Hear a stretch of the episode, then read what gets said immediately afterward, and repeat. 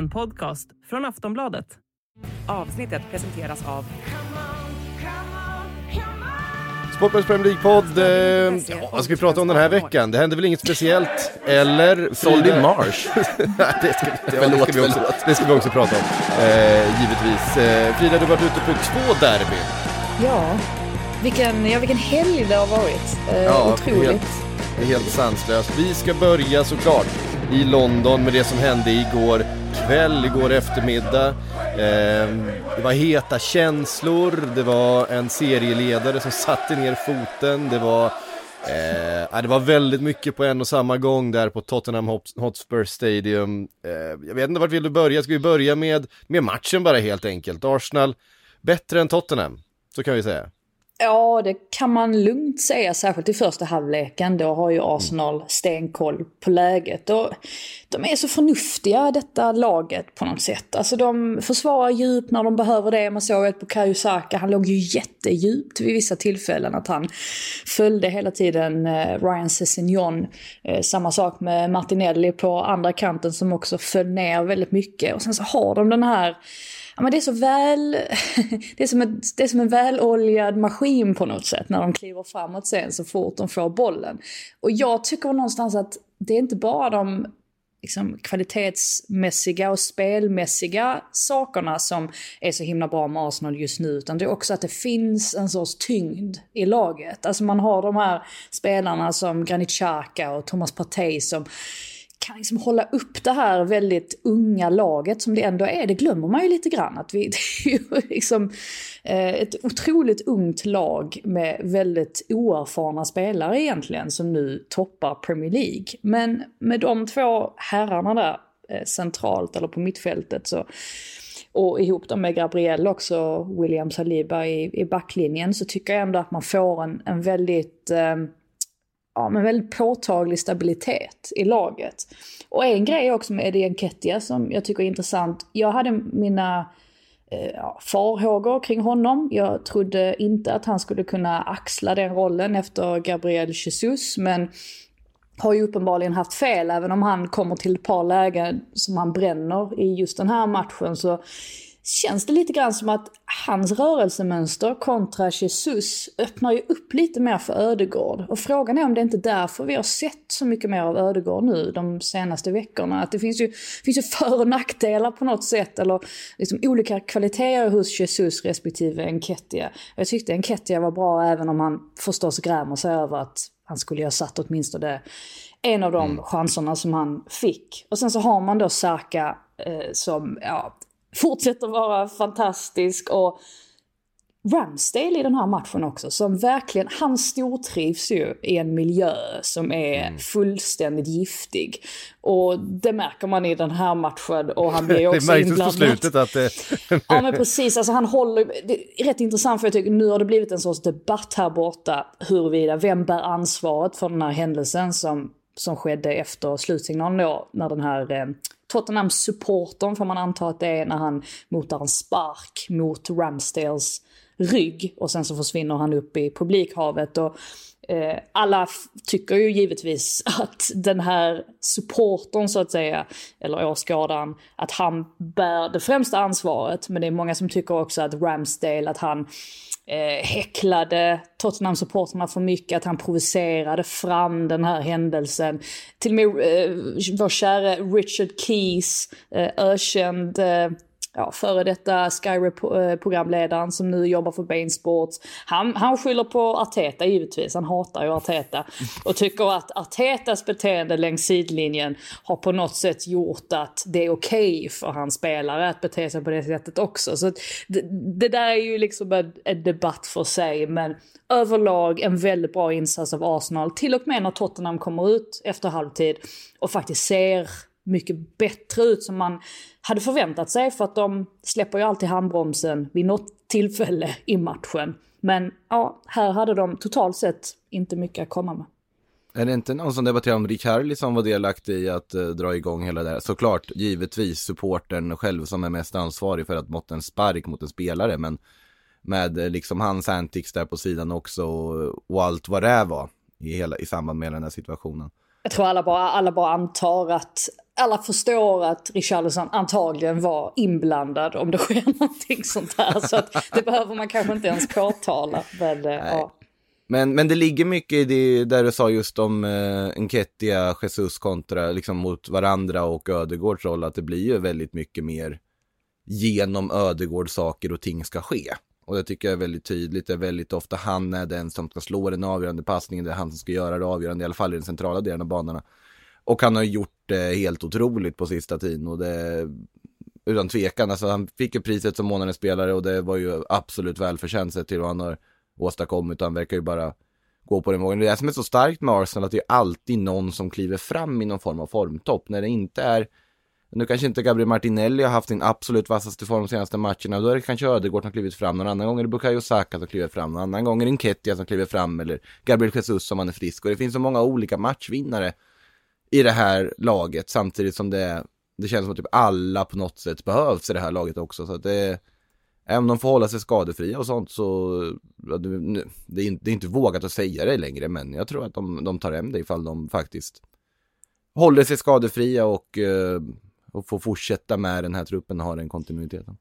Alltså en, en noterbar grej också med just i Arsenals spel, det är ju just det här att de anfaller med så väldigt många spelare, men också att de bildar som Ja, men alltså de har Sinchenko, eh, Partey och kanske White mm. då. Som liksom ställer sig precis utanför straffområdet. Så att det blir verkligen, alltså när Arsenal får tryck mot ett mål så är det väldigt svårt för motståndarna att hantera det eftersom att det är så många spelare involverade. Och det krävs ju på något sätt hela tiden att man, att man känner sina medspelare och att man vet vilka typer av löpningar de kommer ta eh, för att man ska kunna genomföra någonting sånt. Så att där har ju verkligen Arteta han har ju prickat rätt på något sätt. Han prickade väldigt rätt i sin taktik i just den här matchen. Tyckte att det påminde faktiskt om förra mötet mellan de här i Premier League som ju Arsenal också vann.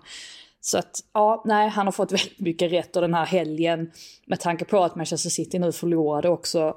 Ja, det är ju nästan så att man man United, vi kommer in på dem senare, det är möjligt mm. att de har blandat sig i den här titeljakten. Men jag tror att Arsenal är väldigt, väldigt nöjda med att City fortsätter att tappa poäng. Och inte spelar särskilt bra just nu, för mm. att Arsenal Nej. gör ju det. Mm. Sen, sen, är det ju, den här matchen på något sätt symboliserar väl också var Tottenham är just nu, att de, de är lite för dysfunktionella, lite för trubbiga för att på riktigt, på allvar kunna hota men ändå tänker man att, ja, men om Harry Kane hade haft lite mer marginaler på något av sina avslut där och satt det och gjort det reduceringen, det kunde blivit en helt annan match, givetvis. För att de har ju just den här spetsen att mm. kunna sätta sånt, men den här säsongen så sätter inte Hyun Son där läget han får. Den här säsongen så går det inte riktigt deras väg. Eh, Harry Kane har i och för sig öst in mål den här säsongen också, men de har den spetsen, de skulle kunna ändå göra match av det hela, men samtidigt, de, de ger ju bort matcher i början. De är ju, det är ju bara ett lag på planen i första halvlek, mer eller mindre. Ja, ja och det är samma. Det där volleyskottet från Thomas Partey. Man önskar ju att det var det istället för uh, Juris uh, fumliga, fast, fumliga självmål. Fast, fast Juris självmål gav oss kanske den finaste aktionen från Edin Ketty i den här matchen. Alltså att när bollen då är en meter innanför linjen, vem är där och nickar dit och bara, för att vara säker, det är din Ketty. Jag tyckte han skulle fått målet där. jag tyckte det var väldigt fint och liksom ja. rätt inställning i det läget. Ja, men, och, det gör också så här, jag menar den styr på backen, jag kommer inte ihåg vilken back det är. Eh, liten styrning dock. Ja men det är en liten styrning, men det är tillräckligt mycket för att den då ska istället studsa upp mot ansiktet på uh, Juris ja. och, och gå in i mål. Det är ju ett slumpmål. Eh, å andra sidan så skapar man ju väldigt mycket annat eh, i Arsenal. Målet är ju på inget sätt oförtjänt, men det hade ju varit skönare om, om det hade varit Parteis volleyskott från 25-30 meter som hade fått gå stolpe in istället.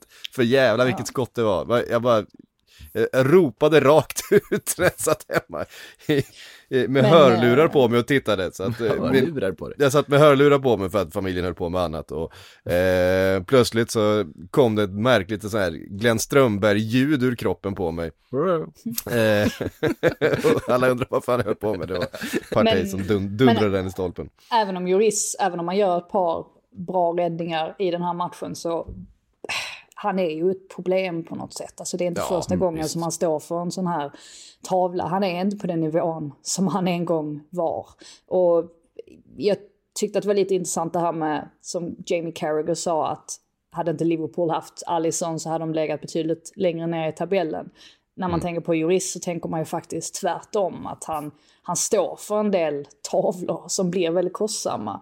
Och precis som ni var inne på, det här med att Tottenham återigen släpper in första målet.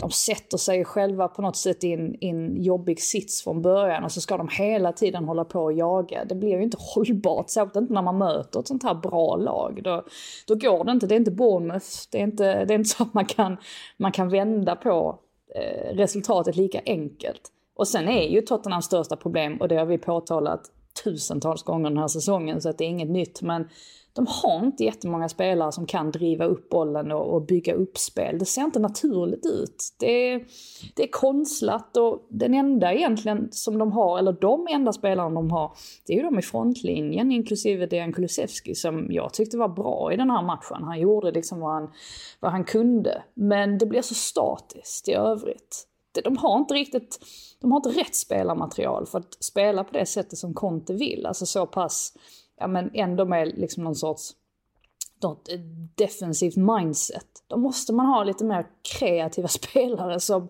ja, i alla fall kan, kan få fram bollen till backlinjen, eller till frontlinjen. Nu, nu har de inte det riktigt. Det ska ju läggas till om, eh, där du nämnde jurist tidigare också, att det blir ju extra kännbart att det är ju en spelare med kaptensbindel på armen. Och det, det blir det i sig sprider en osäkerhet när du har en kapten nyss fick som... ett nytt kontrakt också. Ja, men som kastar in bollar i eget mål som, man, som jag tycker han gör. Absolut, det är styrning och så vidare och han blir ställd, men jag tycker det är en dundertavla på alla sätt och vis att den där bollen överhuvudtaget hittar in i nät.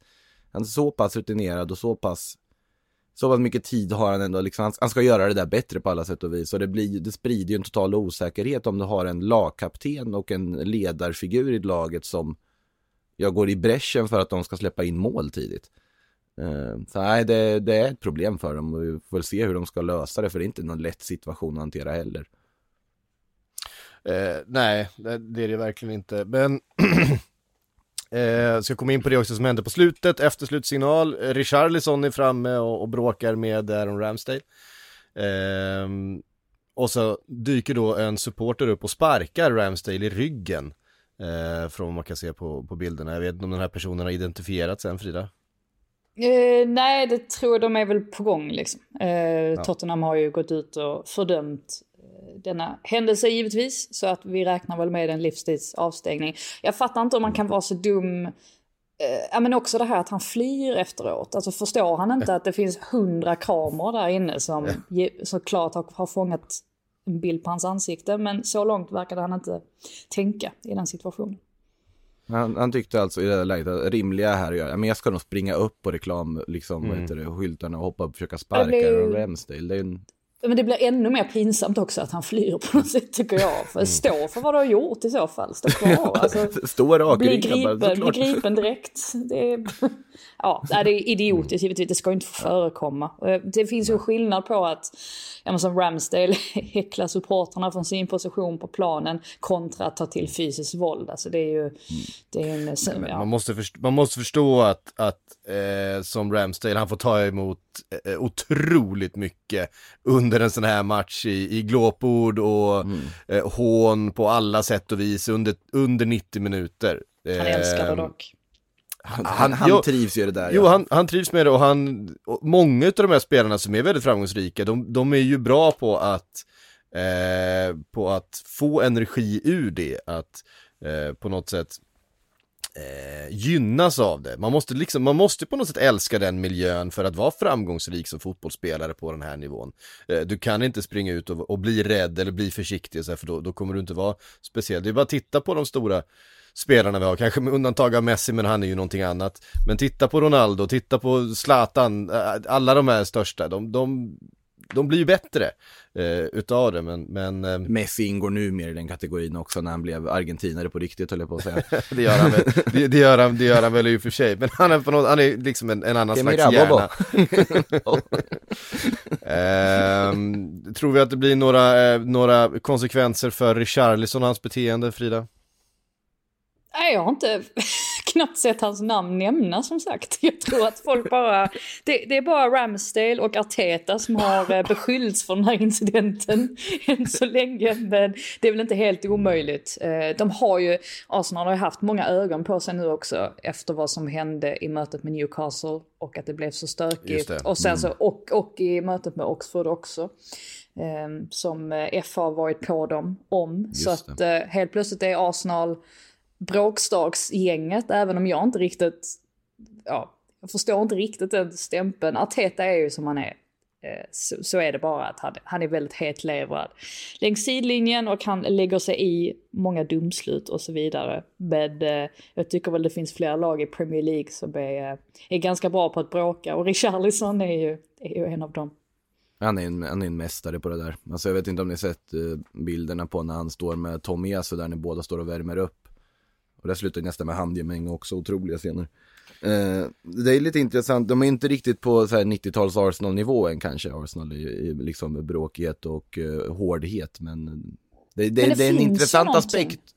Det Ja. finns någonting där som inte kanske fanns under Wenger-tiden, som man tyckte saknades i Arsenal. Ja, men tidigare. det, är det, det var det jag menade också just med själva tyngden i laget. Att, att det finns de här spelarna som ändå kan trycka till. Och, och ett sånt här derby är ju, det är mycket känslor, det är väldigt fysiskt. Då måste man ha spelare som kan stå upp.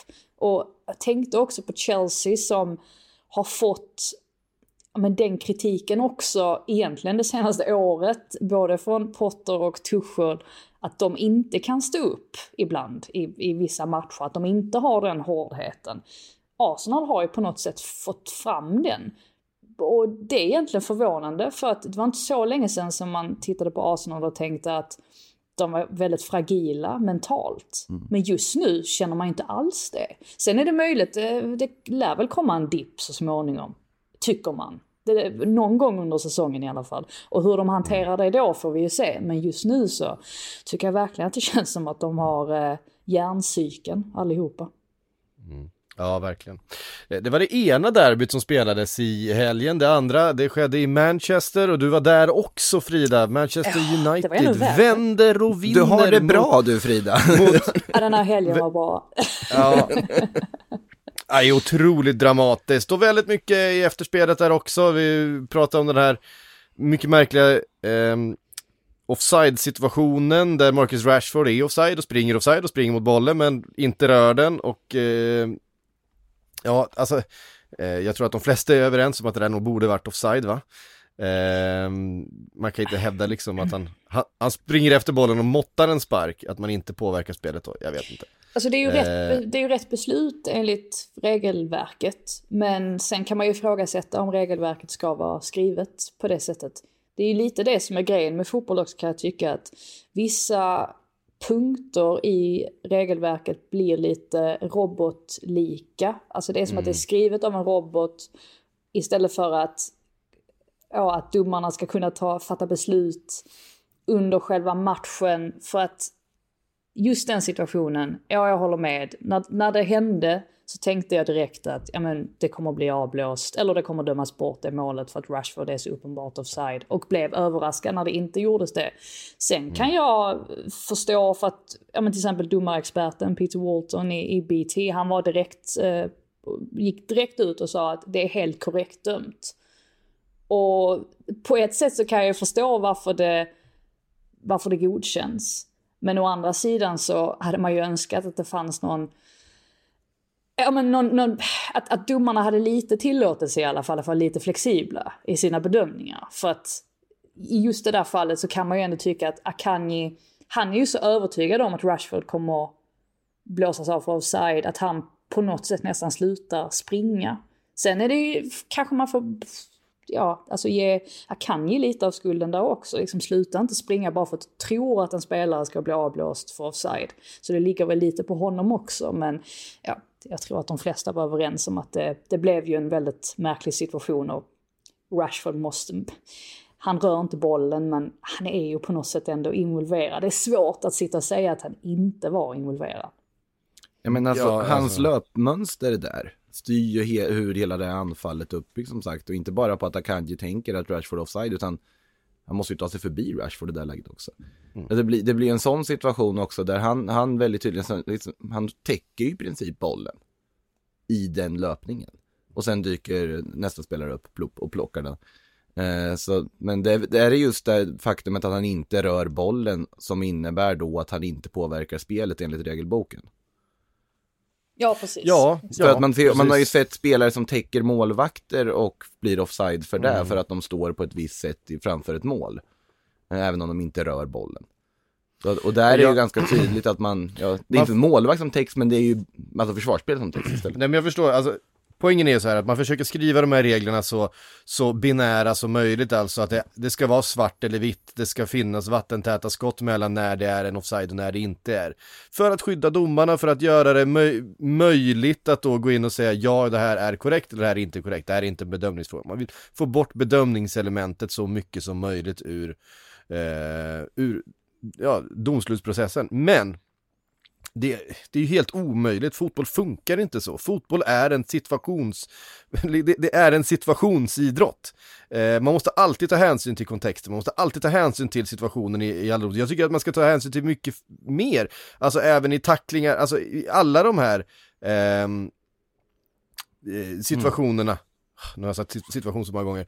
Eh, det är ju så fotboll funkar, det är så fotboll flödar. Så att deras eh, försök här att få det mindre situationsanpassat och mer binärt tycker jag blir eh, tråkigt och det är en fel, alltså det är, det är att röra sig åt fel håll tycker jag för fotbollen. Men i och med att vi får ännu mer eh, datorer som avgör eh, domslut, vi har de här automatiserade offsiden som vi såg i, i mm. VM till exempel, eh, vi har VAR eh, som ska sitta och titta eh, och då övertrumfa domaren på planen som då befinner sig i situationen, för VAR tittar på situationen men befinner sig inte i situationen. Ibland så har domarna som befinner sig några meter ifrån en, en tackling, några meter ifrån en, eh, en duell, en mycket bättre känsla för eh, vad som egentligen hände där. Det kan se ut på ett visst sätt utifrån, men det är i situationer som saker och ting ska avgöras.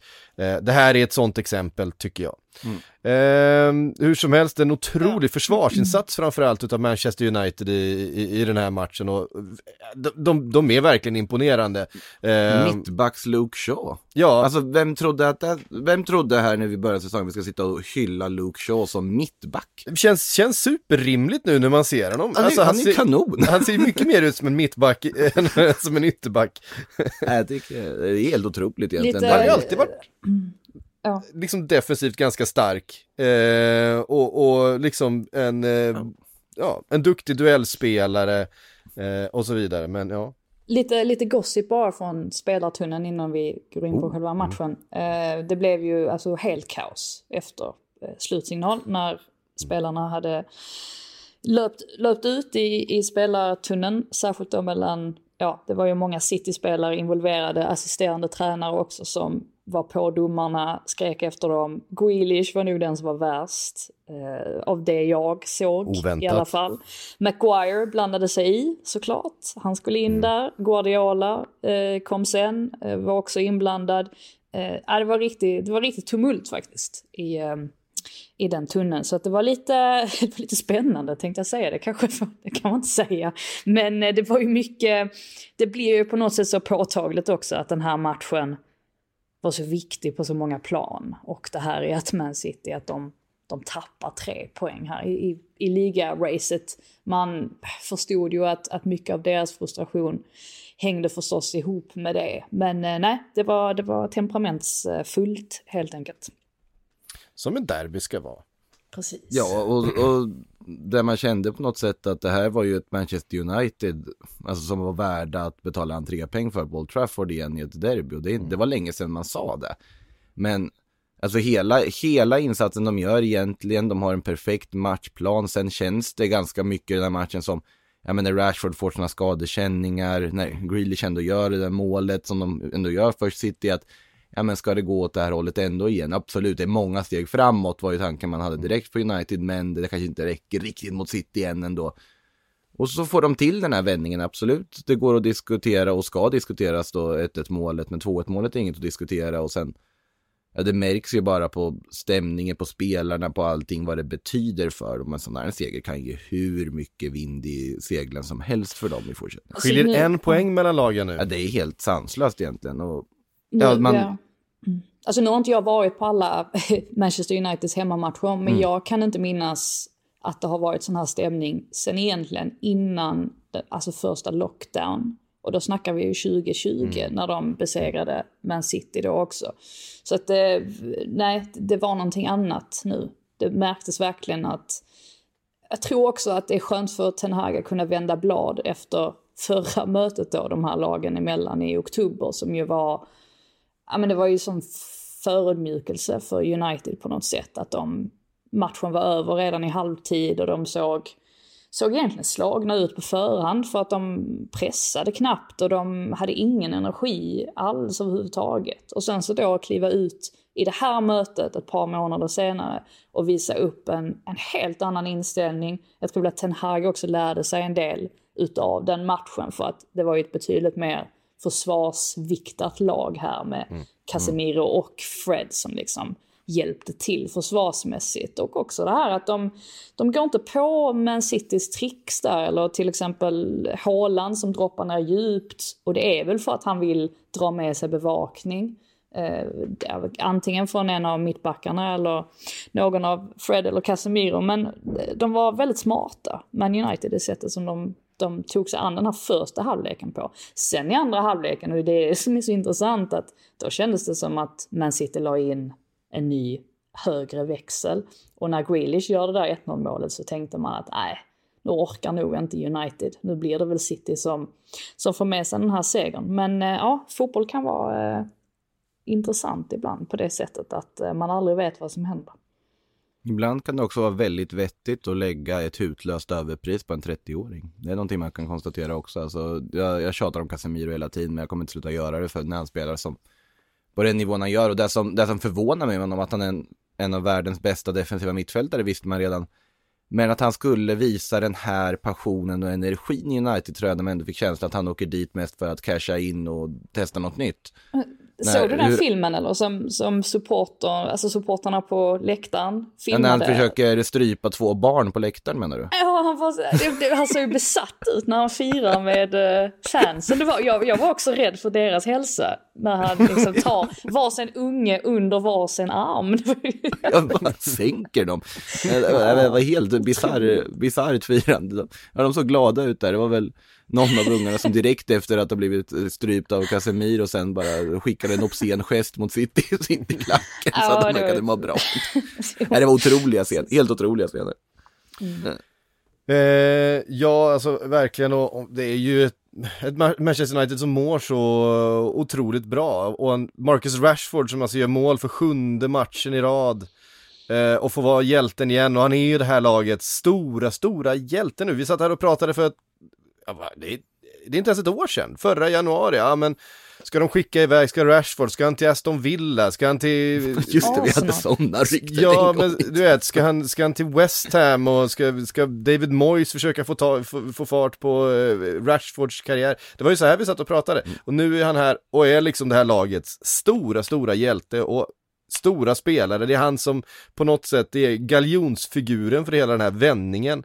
Eh, vad glad att man är att han får vara det. Och att det- den här personen får vara det på något sätt och den här stjärnan, att han fick den här upprättelsen som man ändå får nu. Ja, och att han då tror jag också väldigt mycket slipper Cristiano Ronaldo, hela det dramat, äh, hela den skuggan, allting som eh, uppenbarligen inte var bra för Mar- Marcus Rashford för att han har ju verkligen inte mått bra, inte spelat bra, eh, inte trivts med sin fotboll under de här åren som Cristiano Ronaldo har funnits där. Jag tror att det hänger ihop, i alla fall till viss del. Sen har det funnits andra saker också för Rashford eh, som har varit jobbiga, men eh, det är ju också ett, ett, ett intyg på att man måste kanske inte alltid ut och köpa den där de behöver inte Cody Gakpo. De behöver inte nödvändigtvis ut och köpa den bästa anfallaren i världen. Alltså, de, de behövde inte Vlahovic i, sommar, i somras. De behövde en Rashford som mådde bra igen.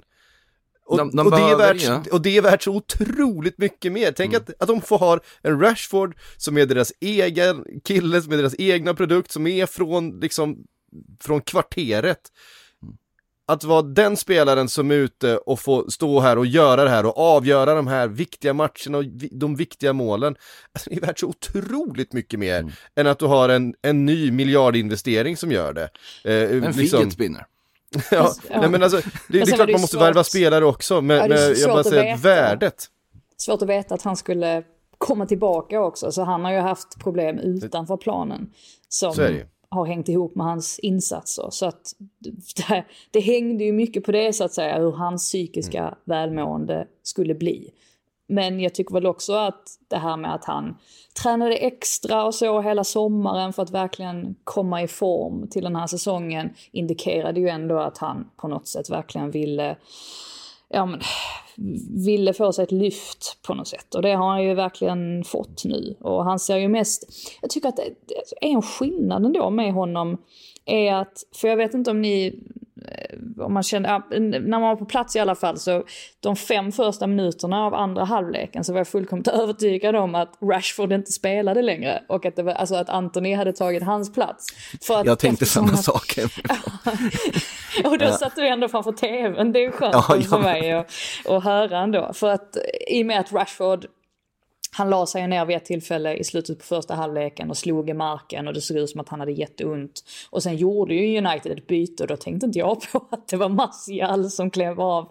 Eh, och, så att Anthony kom in för honom istället. Men jag tycker att det också visar att Rashford på något sätt Ja, det är inte alltid bra att, att eh, kämpa sig igenom smärta och så, det är inte det jag menar. Men det, det är en liten, liten hårdare version av Marcus Rashford nu lite, lite äldre, lite mer rutinerad.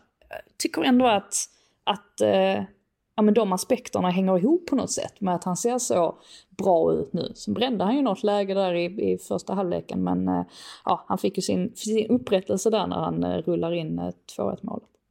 Innan vi lämnar United tycker jag man måste ge en shout till Aron Van Bissaka också som ofta kritiseras, som pratar om att han måste bytas ut och man behöver en ny högerback. Eh, han gör ju en strålande match här ändå värt att, värt att notera tycker jag ändå att han mm. faktiskt håller i, och ja, de har investerat mycket pengar i honom en gång i tiden, det kanske är absolut ändå en back att ha kvar, att han och Dalot som högerbacks eh, alternativ inte är en helt dum kombo ändå. Och att det inte är så akut med den där högerbacken som vissa vill få det till. Jag tyckte Malaysia var, var ännu bättre och det var ju en spelare som ja. kölhalades efter förra derbyt. Uh, han, nej, han, han, fick verkligen sin upprättelse också. Ja, det fick han också, men det, det men det är just det där som uh, Psyk var inne på här nu, det där med, nu, nu skjuter jag ju liksom ner hela Silly-cirkusen, det kanske jag inte ska göra egentligen, mm. men det är Silly-podd och allt som vi har, men att just när du har värvat en spelare, du har ju värvat de här spelarna av en anledning. De har gjort mm. någonting, de har visat någon form av kvalitet. Och det viktiga är ju att få de här värvningarna att funka tillsammans på att du har en tränare som kan ta fram det bästa ur de här spelarna. Att du har rätt inställning på de här spelarna. Ja men en miljö som är, som ja. är sund och positiv och, och eh, där spelarna mm. trivs med varann och spelar för varann och, och litar på varandra i spelet och litar på tränaren och taktiken. Vi ska snart mm. komma till Liverpool, eh, där det inte riktigt är, är, är så just nu. Um, som är ett jättebra exempel mm. på bra fotbollsspelare som spelar dålig fotboll. Um, så, och um, nej, men vi kan väl, ska vi ta den uh, direkt? Är det något mer man ska säga om City, men jag vet inte riktigt, alltså de... Håland fortsätter inte göra mål. Alltså det är ju egentligen det, det, som är mest, det som är mest slående är ju som sagt att Man City faktiskt såg bättre ut för ett år sedan. Och, alltså rent spelmässigt. Och mm. vid, den här, vid den här tidpunkten av säsongen. Och det hänger ja, väl gud, ihop. Ja Alltså det är, det är svårt att sitta och skylla på Håland när han sprutar in mål vanligtvis. Men på något sätt så blir det en spelmässig skillnad. Sen tycker inte jag alltid att han får passningarna när han ska ha dem. Att det är som att Nej. de... För City är ju det är ju ett sånt typ av lag också och Guardiola vill ju att de ska vara det, att, att de ska hålla, helst hålla i bollen, att anfallen ska, ska vara långa för att motståndarlaget inte ska kunna ställa om. Eh, och ibland passar det sig inte riktigt med Holland och hans rörelsemönster. In, inte för att dra så mycket paralleller dit egentligen rakt av och inte för att uh, skohorna in Cristiano Ronaldo ännu en gång som inte ens är kvar i ligan. Men är det inte lite lite samma som Ronaldos första säsong i hans United-återkomst. Att absolut, han öser in mål. Men laget funkar sämre med honom på planen. Nu gör ju Haaland fler mål. City funkar mm. klart bättre än vad United gjorde då. Men samtidigt lite det här att laget blir, no alltså Kevin De Bruyne ser ju inte riktigt lika bra ut. Nej, och Den det finns säsongen. många utav det. Och det Mycket sådana aspekter. Att, absolut, Haaland gör alla målen. Men är City ett bättre lag för att han gör dem? Jag tycker ändå att De Bruyne har varit väldigt, väldigt bra den här säsongen. Och jag tycker ju att de, det kan man inte glömma bort heller, att han och Haaland har ju visat upp ett väldigt fint samarbete. Eh, Men det är väl mest att jag tycker det känns som att de inte riktigt är där än, att det fortfarande finns saker att slipa på. Alltså just för att det ska klicka ordentligt. Ibland är man City helt enkelt bättre med en falsk nia och det diskuterar vi ju jättemycket förra säsongen också, att behöver de ens en striker för att de är så himla skickliga på att, på att eh, ja, men spela med en mer ja, rörlig nia då. Haaland är också rörlig på sitt vis, men det, det är det jag menar att de behöver kanske lära känna varandra ännu bättre eller Guardiola måste hitta ett sätt för att verkligen få ut maximalt av Haaland. För just nu, här och nu, så får han ju inte det. Nej, och det, och det är det där, vi, vi, vi har pratat om det väldigt mycket, att det finns en del spelare som ser lite slitna ut. Kanske inte fysiskt, men mentalt. Bernardo Silva är en sån, till exempel, som inte får ut lika mycket offensivt eh, den här säsongen som han hade under förra när han var helt eh, strålande under, eh, under perioder och han, han kunde liksom ta sig förbi och slå ut lagdelar helt på egen Han hand. behöver sin Sydeuropa-flytt. Han har tjatat om den i tre, fyra år. Dags för honom att få åka till Nej, men det- varmare breddgrader. Och... Det är nog lite det. ehm, att det blir lite, det, det Ja. går lite i stå på något sätt. Eh,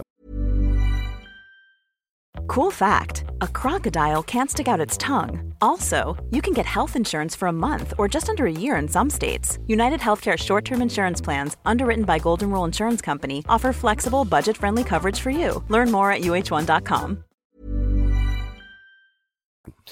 och då kan vi väl ta oss till matchen mellan Brighton och Liverpool då. Ehm, helt överkörning, precis som alla förväntade sig så var Brighton och är Brighton ett mycket bättre fotbollslag just nu än vad, än vad Liverpool är.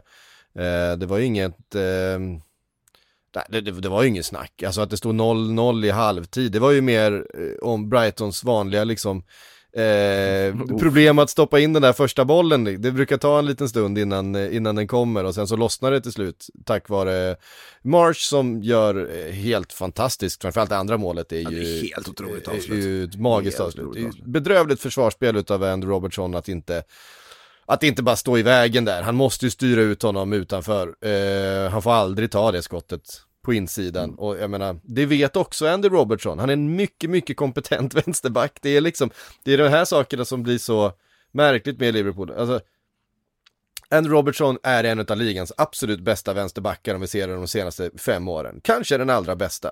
Eh, varit med i lädsla- eh, världslaget, alltså eh, de här sakerna.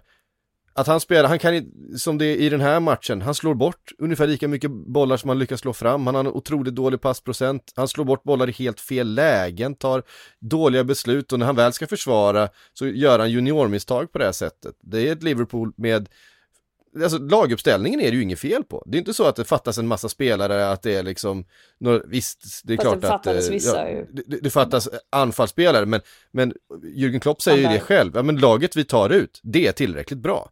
Det är inte där problemet är. Vi kan inte sitta här och skylla på skador när vi har så pass bra fotbollsspelare på planen. Problemet är att de bra fotbollsspelarna Inte är så bra. inte, är, inte är så bra just nu. Eh, och det är väldigt kollektivt hur de misslyckas i dueller, de misslyckas i pressspelet, de misslyckas i försvarsspelet, i positionsspelet. Eh, de tittar på varandra när de blir upprullade. Adam Lallana springer åtter runt eh, Fabinho, vilket också på något sätt vrider om den där kniven. Ehm, Kauro Mittoma ser ut som en Ballon d'Or-kandidat. ja, Karo Mittoma ser, ser jätte, jättebra ut. Ehm, Men Mittoma var ju Mittoma var bättre än Alexander Arnold, McAllister, Caicedo var bättre än hela Liverpools mittfält, Ja, Dunk var precis, bättre än Salah, precis. alla var ju bättre än, alla, alla, i ja. Brighton var bättre än alla i, i Liverpool, förutom möjligtvis Alisson då, som, eh, ja, ja. Han gjorde kämpar vad han på. kunde på något sätt. Han kämpar på. Han kämpar på. Nej men och, och, och det är verkligen tydligt, eh, Jürgen Klopp sa ju det efteråt också. Han, han kan inte minnas en sämre, en, sämre insats av något lag någonsin. Han pratar inte bara om Liverpool, han pratar om någonsin i sitt Och, fotbollsliv. och då var inte Brentford-matchen länge sedan. Nej, det här var ännu sämre. Ja, och det, Det här och var det, ännu sämre. Det var det, men och det, det får ju ändå fundera. Jörgen Klopp kan inte blivit en dålig tränare över en natt. Det stämmer, finns ju inte på kartan. Nej. Och hur en liksom kollektiv kollaps kan pågå på det sättet som det gör nu. Eh, det, det, det, är ganska fascinerande att, att bevittna på något sätt vad, vad det är som pågår. För att man tänkte att absolut, de svajade under hösten, men man tänkte hela tiden, ja, Liverpool kommer komma igång. Det är trots allt, titta på kvalitetsspelarna som finns i den här truppen. Det är ju en Mm. formsvacka. De kommer hitta tillbaka och hitta rätt. Absolut, det finns, de behöver fortfarande sin innermittfältare och hela det där. Men det, laget som finns ska vara tillräckligt bra för att slåss om Champions League-plats oavsett. Det är inget att snacka Ja. om tycker jag. Jag börjar nästan känna att den de saknar allra mest just nu är Firmino.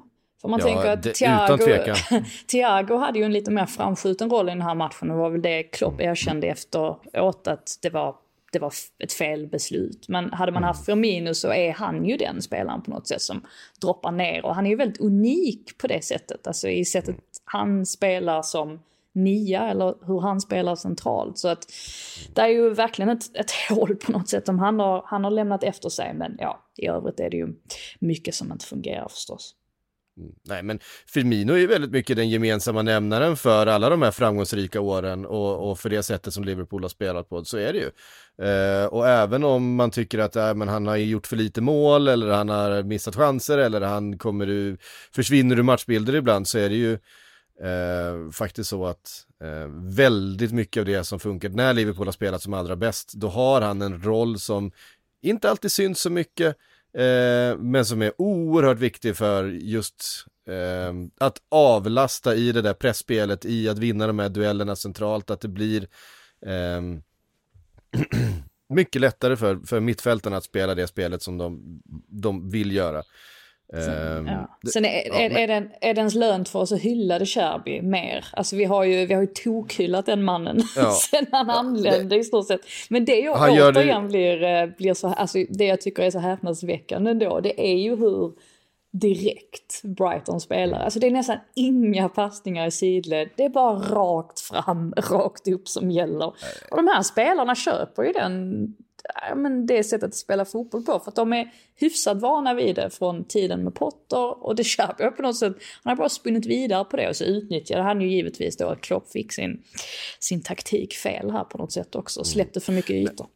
Och sen, jag menar, även under åren då Liverpool var eh, kanske ligans bästa lag, så var ju Brighton alltid ett lag som, som man hade problem med därför att det fanns alltid, det har alltid funnits ytor att utnyttja hos Liverpool. De har alltid spelat med en slags kalkylerad risk. Och det finns få lag som är så skickliga på att utnyttja ut, ytor som Brighton är. De har otroligt intelligenta fotbollsspelare, eh, har under ja, många år nu haft otroligt intelligenta tränare som har varit väldigt bra på det där med att utnyttja motståndarnas eh, lämnade ytor helt enkelt. Medan andra lag har varit, ja, vi måste hålla oss till vårt spel, eh, vi, ja, det har varit svår, svårare för andra lag och det, det har Brighton varit väldigt, väldigt skickliga på. Och det, jag var helt, jag var helt övertygad om att det var precis den här matchbilden som, som det skulle bli i helgen för att eh, det, det, det ser tyvärr inte bättre ut och jag ser ingen, ingen direkt ljusning. Jag tror inte heller att det, alltså, åh vi måste köpa en ny mittfältare. Jag tror inte att det kommer hjälpa någonting. Det handlar inte om det.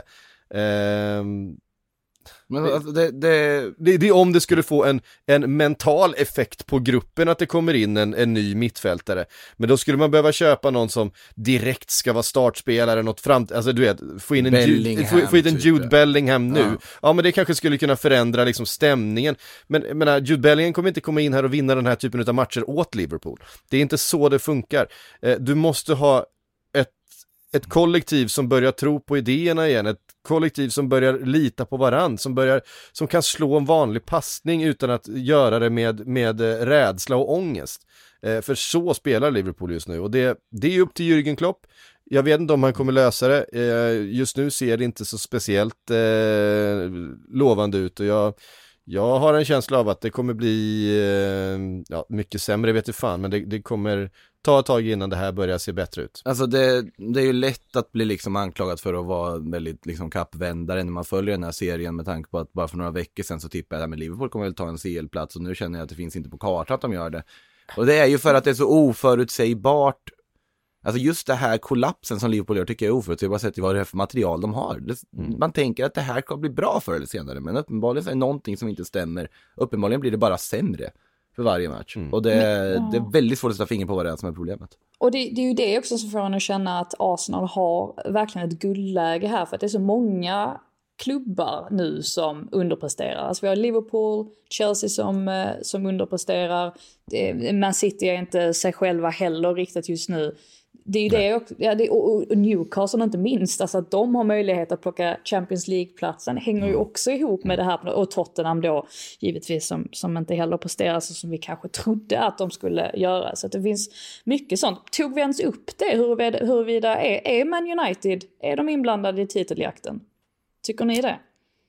De är lika mycket inblandade som, eh, som Manchester City som det känns just nu. Sen ska vi komma ihåg att vi, det, vi har inte ens spelat halva säsongen än. Om två veckor så säger vi att Manchester United åker ur i år. Men, men eh, man ska ju man ska såklart dra sig för, eh, ja, men som det är just nu så är det ju bara, det är Arsenal att förlora. Men det är klart att åtta poäng ner till, till tvåan just nu då. Eh, med en halv säsong kvar att spela, drygt en halv, en halv säsong plus en match. Eh, och det är Manchester City som jagar och vi vet vad, eh, vad det finns för Och det- kvaliteter och för högsta nivå Och där. det hade ju varit mest Arsenalska man kan göra, att tappa det här. Alltså, det, alltså man tittar på, det var, vi räknade ju hem CL-platsen åt dem förra säsongen och det, det fick vi äta upp att de plötsligt bara för att förlora massa matcher. Så att såklart kan de tappa det här. Sen, sen så ser man det inte just nu och det är just det jag menar, att det blir väldigt lätt att analyser kommer se så olika ut varje vecka för den här serien är så otroligt oförutsägbar. Och det, man vet inte riktigt någonting säkert överhuvudtaget. Eh, så att det, det blir väldigt intressant att följa. Om, om två veckor kan vi ha en helt annan bild. Då kanske är det liksom jättepositiva tongångar i Chelsea och, och jättenegativa i sig. Och då kanske det är City som är den totala krisklubben. Vem vet? Alltså den här, den här veckan är ju eh, helt otrolig egentligen med Man City, Tottenham först på torsdag och sen så Arsenal, Man United på söndag. Det, ja. magnituden av de här matcherna.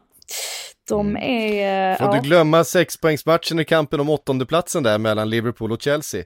just det. Eh, Ja, den är jätte, jag, jag är mest spänd på den faktiskt. Jag ska, ju, mest jag ska, ju, ska ju på den också så att eh, jag känner att med, ja, Man City, Tottenham torsdag, Liverpool, Chelsea lördag och Arsenal, Man United söndag. Det är också en hyfsad, en hyfsad vecka. det, det är skönt att höra att det inte går någon nöd på dig Frida. Nej, det, just nu gör jag bara, jag bara njuter nu. Vänta bara, snart kommer liksom dippen för mig också.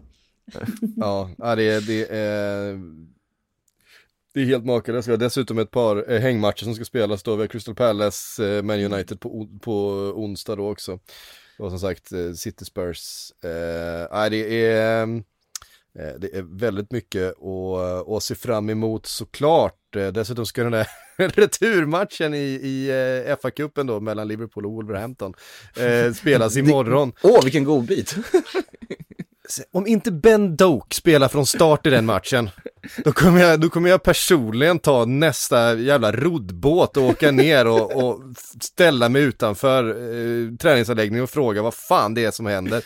In med Ben Doak nu då, det finns, vi har ju inget annat att glädjas åt. Ja men det, men det kanske, det kanske den nya Qatari-ägarna löser att få in Ben Doak i startelvan. Förlåt, men det, eh, den diskussionen tar vi en annan dag känner jag innan Patrik Syk. Den kan vi ta i Sillypodden imorgon. Det kan vi Eh, absolut göra, den är högst relevant där. Och då ska vi prata med Mudryk också. Men man får väl nämna att han ändå dök upp där, miljardvärvningen på Chelseas. Han satt, han satt på, på Chelsea-läktaren och såg Chelsea vinna mot Crystal Palace med 1-0 eh, efter mycket om och men. Och för er som följer fotboll enbart via våra poddar så kanske ni undrar, men skulle inte Mudryk till en annan klubb? Eh, jo, det skulle han. Trodde han själv i alla fall. Eh, väldigt länge. Eh, ja, så blev det inte. Eh, Todd Bowley som då har spenderat ungefär 5 miljarder sedan han kom till, eh, till klubben. Eh, det kan man Det också är ju ett, Chelseas eh, sociala medier-teams frenetiska försök att släta över det här då med att Mudryk själv ville till Arsenal. Det är ju ändå ja, men en eloge till dem på något sätt för att satan vad de har pumpat på i sina sociala kanaler för att på något sätt liksom få över supportrarna på sin sida nu eller på Mudryks sida. Eh, Samtidigt som alla Arsenal-spelare har avföljt honom på Instagram. Så att det... Nej, jag, jag, jag, eh, man, vet, man vet inte ens vad man ska säga längre. Nej, det- Eh, det, det är ju inte direkt den positionen där man tänker att Chelsea absolut behöver in en spelare just nu. Men eh, har man en miljard över så eh, ja, vill man lägga den miljarden på honom så fine, kör på då. Den man inte la på Enzo Fernandes, eh, som man kanske hade behövt mer, men det är en annan sak. Eh, nej, det... Sen får man väl säga i och för sig att de hade ju ett nyförvärv som jag tyckte leverera här när han som, som var på planen här nu. Och då pratar jag inte om eh, Joao Felix. Felix. Ja, Felix levererade i och för sig 60 minuter innan han gjorde en vansinnestackling och blev avstängd han var bäst på planen i 60 Ja. minuter. Sen slog eh, Chelseas förbannelse till som vanligt.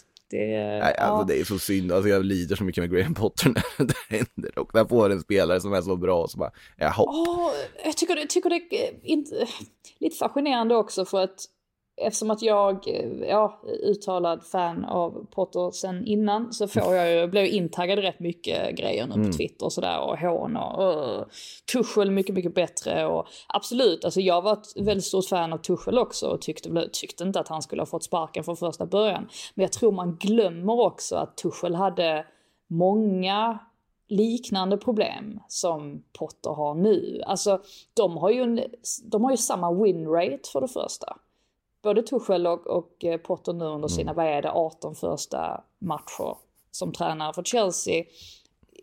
Det är inte mycket som har hänt menar jag, sen Tuchel var där. Och sen var han en så pass skicklig tränare att de ändå lyckades vinna Champions League-titeln och att det på något sätt slätade över mycket av problemen också. Men nu står Potter här och eh, liksom fler och fler spelare skadas. Eh, jag tyckte väl på något sätt att mötet med Fulham då dels att inte bara att Felix att han får rött kort och hur ironiskt det är att han kommer missa en månadsspel när han typ ska spela i tre månader.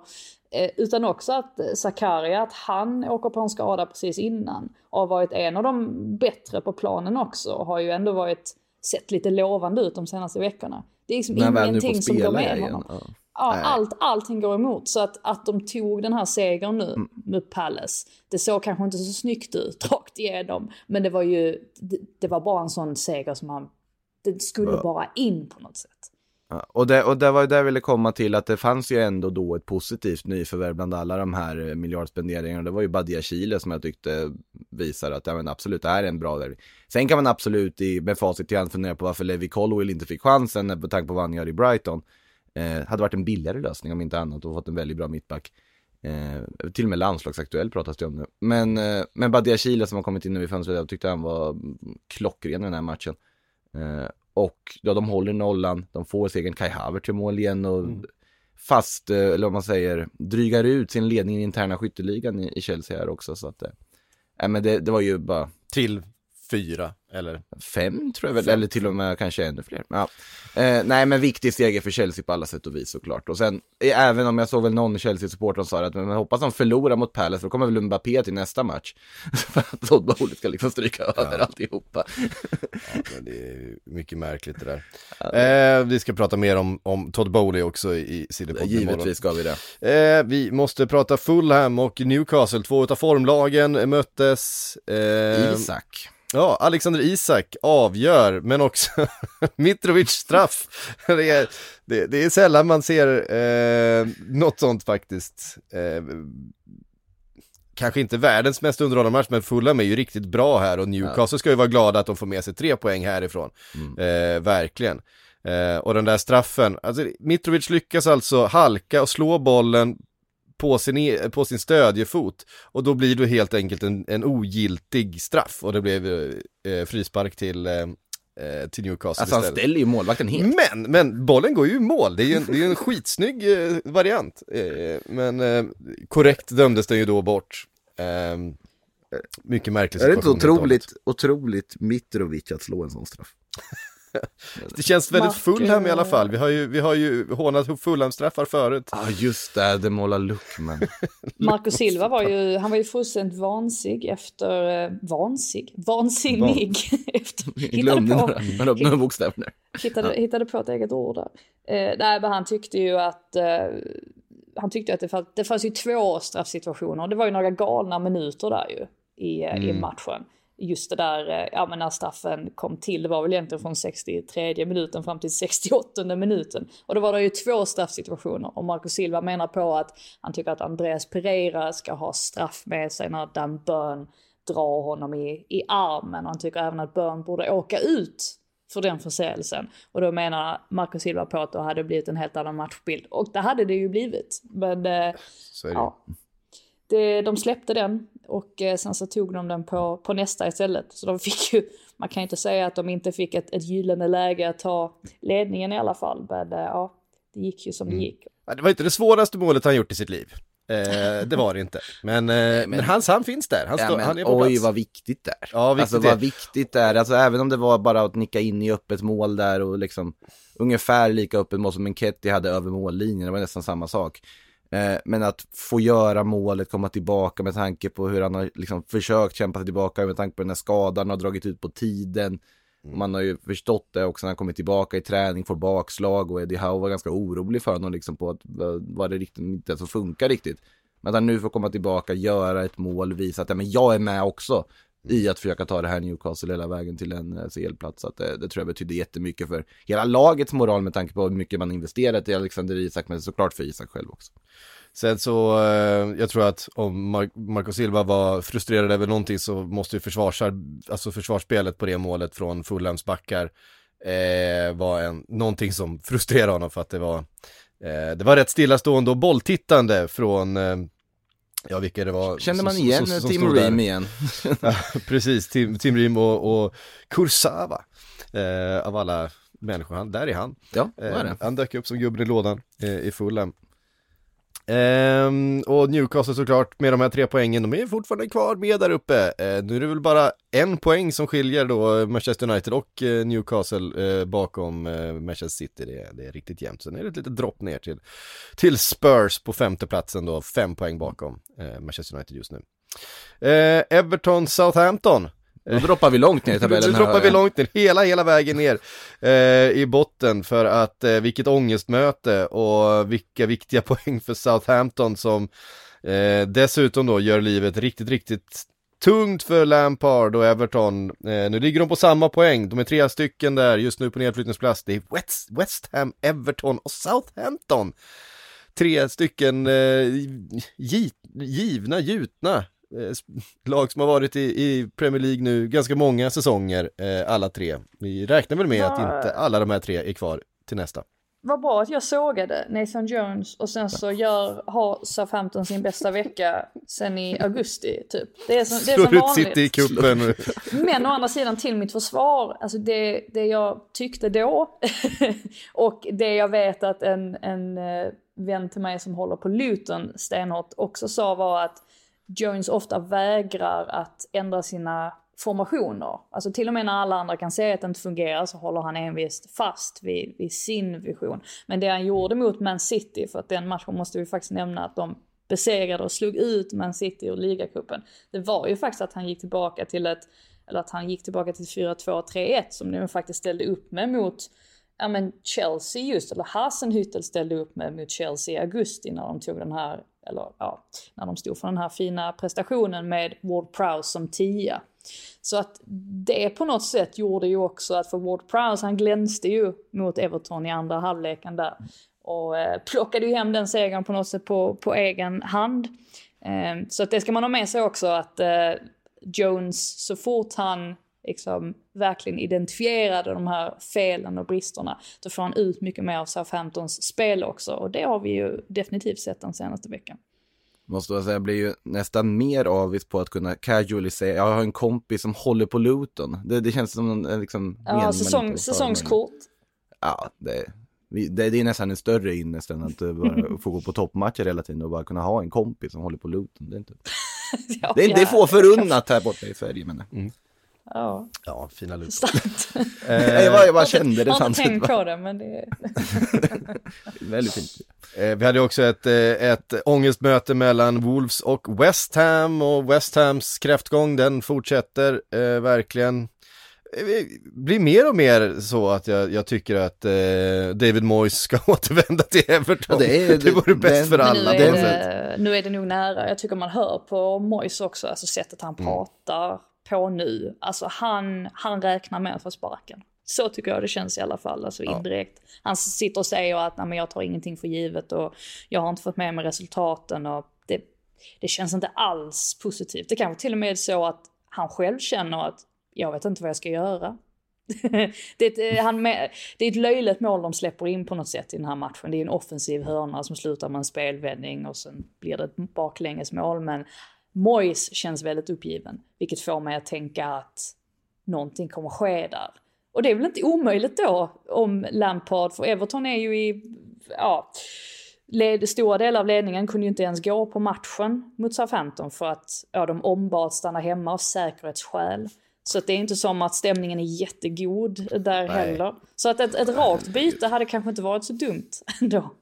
Uh, jag tror framförallt Moise till Everton, jag vet inte, jag tycker, jag tycker West Ham ska hålla sig borta ja, från Lampard. Det, det känns ska... inte riktigt som draget de borde göra. Uh, Nej men alltså det som um, Eh, Wolverhampton har gjort då när de har plockat in eh, Lopetegui, Lopetegui det, ju, det har ju fått riktig effekt. Jag menar nu har de fått in en, en jätteduktig tränare som kommer ta mm. det här unga, eh, lovande portugisiska kollektivet och, och göra en, he, en, en enhet av. Det, det kommer han ju lyckas med. Vet vem som är på väg in där nu? Den mest liksom uppenbara Wolves-värvningen till ett Lopetegui-lag man kan tänka sig. Pablo Sarabia. Åh oh, nej, Sarabia.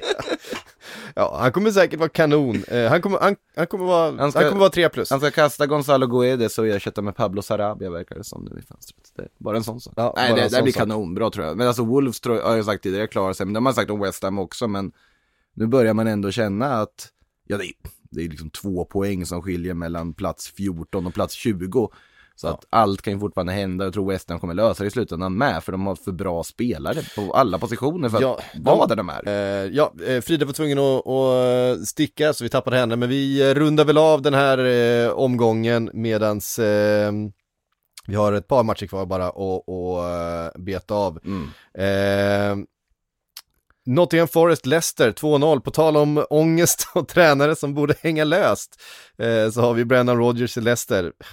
Att de inte, alltså Nottingham Forest ska inte så här enkelt kunna besegra Leicester. Det, det är liksom känslan man har, men eh, Men då flyttar vi Brennan Rodgers till West Ham. Men Brennan Johnson gör två mål.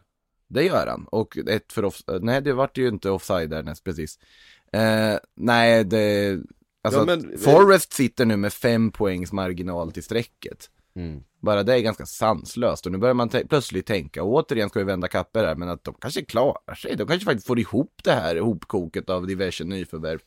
Eller så köper de tio spelare till och slår slint och uh, lägger Danilo är på väg in.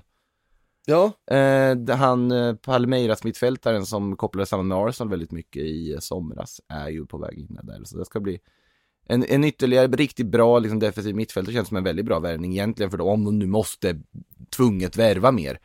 Eh, men de har ju kommit igång, börjat ta poäng, det börjar se fungerande ut och man får väl bara konstatera att vi kanske räknat ut dem för tidigt.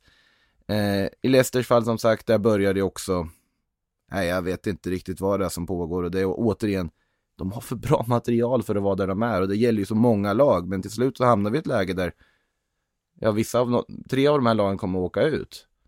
Materialmässigt tycker jag Southampton och Bournemouth är såklart sämre och Everton också, även om Evertons material borde vara bättre såklart än en nedflyttningsstrid. Mm. Men ja, det blir väldigt spännande att följa den här bottenstriden i alla fall. Ja, ja herregud. Uh, nej men och, om vi ska göra pusslet så är det ju Brennan Rodgers till West Ham. Ja men precis. Ja, och ja. David Moyes till Everton och Lampard men, till en expertstudio någonstans. Ja, det eh, men vem, ska, vem ska Leicester ta då? Vem ska Leicester ta? Eh, jag tror att de ska titta utanför landets gränser om jag ska vara riktigt ärlig. För speltrupp, spelartrupp finns det fortfarande där. Jag menar det, det finns Thielemans och det finns eh, liksom Madison och, och, Harvey Barnes och... Tänk om de hade tagit ett Cherby. Tänk om de hade haft ett Cherby nu, det hade mm. varit en, eh, en helt annan femma då? Eh, ja, vet man ju aldrig, men eh, man kan i alla fall anta. Ja, eh, det, någonting måste de göra i alla fall för det här håller ju inte. Mm. Eh, kan vi notera att Bournemouth får det ju jobbigt också nu. Är ju känslan nu när de inte har den här Alltså han gjorde ju jätte, och Neil gjorde ett fantastiskt jobb under hösten och jag tyckte det var helt rätt att ge honom, alltså det fasta förtroendet, men just nu så är ju form, formraden och resultatraden de har tyder ju på att det här kan bli en väldigt jobbig vår för dem. Eh, och de har ju också en ganska tunn trupp om man tittar på pappret med och behöver investera i den. Och det har varit lite surr, såg jag Marno Dan Danjuma tillbaka. Men det har varit en väldigt bra förstärkning för dem. Men ja, det, det blir jobbigt nu. Sen möter de ett Brentford där som är, Som är riktigt bra. som är i riktigt bra form. Aston Villa Leeds 2-1. Eh, Aston Villa som eh, har ju kommit igång nu på samma sätt, där fått in en riktig tränare nu istället för En Steven Gerrard. spanjor! Det är det som är det. Jo, men alltså, det, det, det, Marcelino är ledig, det, finns- är finns- bara välj klubb. det finns dåliga spanjorer också, men framförallt eh, den här övertron på att gamla storspelare ska, som, som har gjort, liksom gjort det bra i en lägre division eller som i Skottland i Steven Gerrards fall. Eh, de behöver visa mer än så, men det är klart att någonstans ska man ju också få chansen att visa mer. Eh, Pep Guardiola gavs chansen och, och var ju rätt framgångsrik. Eh, Zinedine Zidane och så vidare. Det finns ju exempel, men, men Steven Gerrard och eh, Frank Lampard har väl båda två visat att de inte var byxade för eh, en push mot den övre halvan i alla fall eh, med sina respektive projekt. Sen fick ju Steven Gerrard bättre förutsättningar än Lampard rent spelartruppsmässigt att göra någonting och mer pengar att spendera. Men, men där finns ju också en extrem skillnad. Guardiola slog igenom i sitt Barcelona, Zidane slog igenom i sitt Real Madrid, Xavi som ju och kritiserat en del också i och för sig, har ändå gjort det i sitt Barcelona, eller sitt Al-Sad jag på att säga där innan där också. Eh, där är en skillnad, jag tror att Steven Gerrard är typ Liverpool-tränare hade varit en annan sak. Jag tror Frank Lampard kan... Kanske. Jag höll på att säga Frank Lampard från Chelsea. tyckte, det var ju i och för sig med tanke på materialet han då jobbade med då, tyckte han gjorde ett helt okej jobb. Han gjorde ett okej jobb, Ja, ja. Men- bättre än vad han har gjort nu. Men Eh, Gerard ska ju formas nu i, eh, på förbundskaptenstolen i Polen här verkar det väl som. Ja. Stackars Matty Cash. Ja, det kanske, men det, det känns ju också som att, ja, men jag tror att Steven Gerrard kan sätta en, ett försvarsarbete, eh, jag tror han kan vara framgångsrik som en, som en förbundskapten faktiskt.